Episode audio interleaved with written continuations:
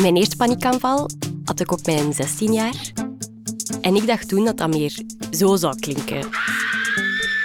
Of dat ik mijn glas wijn dramatisch zou staan blijten in de douche. Ik geef het toe, ik keek wel echt heel veel tv. Maar mijn eerste paniekaanval ging helemaal niet gelijk in de films. Het eerste wat ik voelde was mijn hart. Mijn handen waren aan het trillen en ik voelde mij plots zo, zo slecht. Alsof ik mij nooit meer gelukkig zou voelen.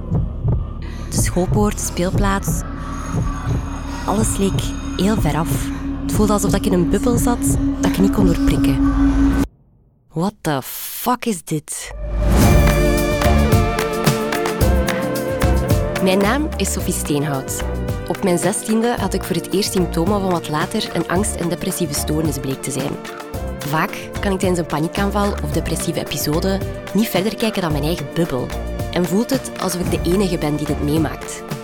Maar dan komt daar een barstje in. En besef ik dat er gigantisch veel jongeren angstig zijn. Opvallend meer jongeren met emotionele problemen. Want er zijn er veel die zich echt niet goed voelen. Maar al zorgwekkende cijfers. Maar waar zitten die eigenlijk? Het zou wel tof zijn om een clubje te vormen. Dus dat ga ik doen.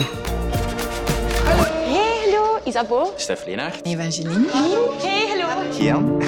Ik ben Ikraan. Hallo. Hey, ik ben Mathilda. Hey, Sophie. Welkom bij Club Angst.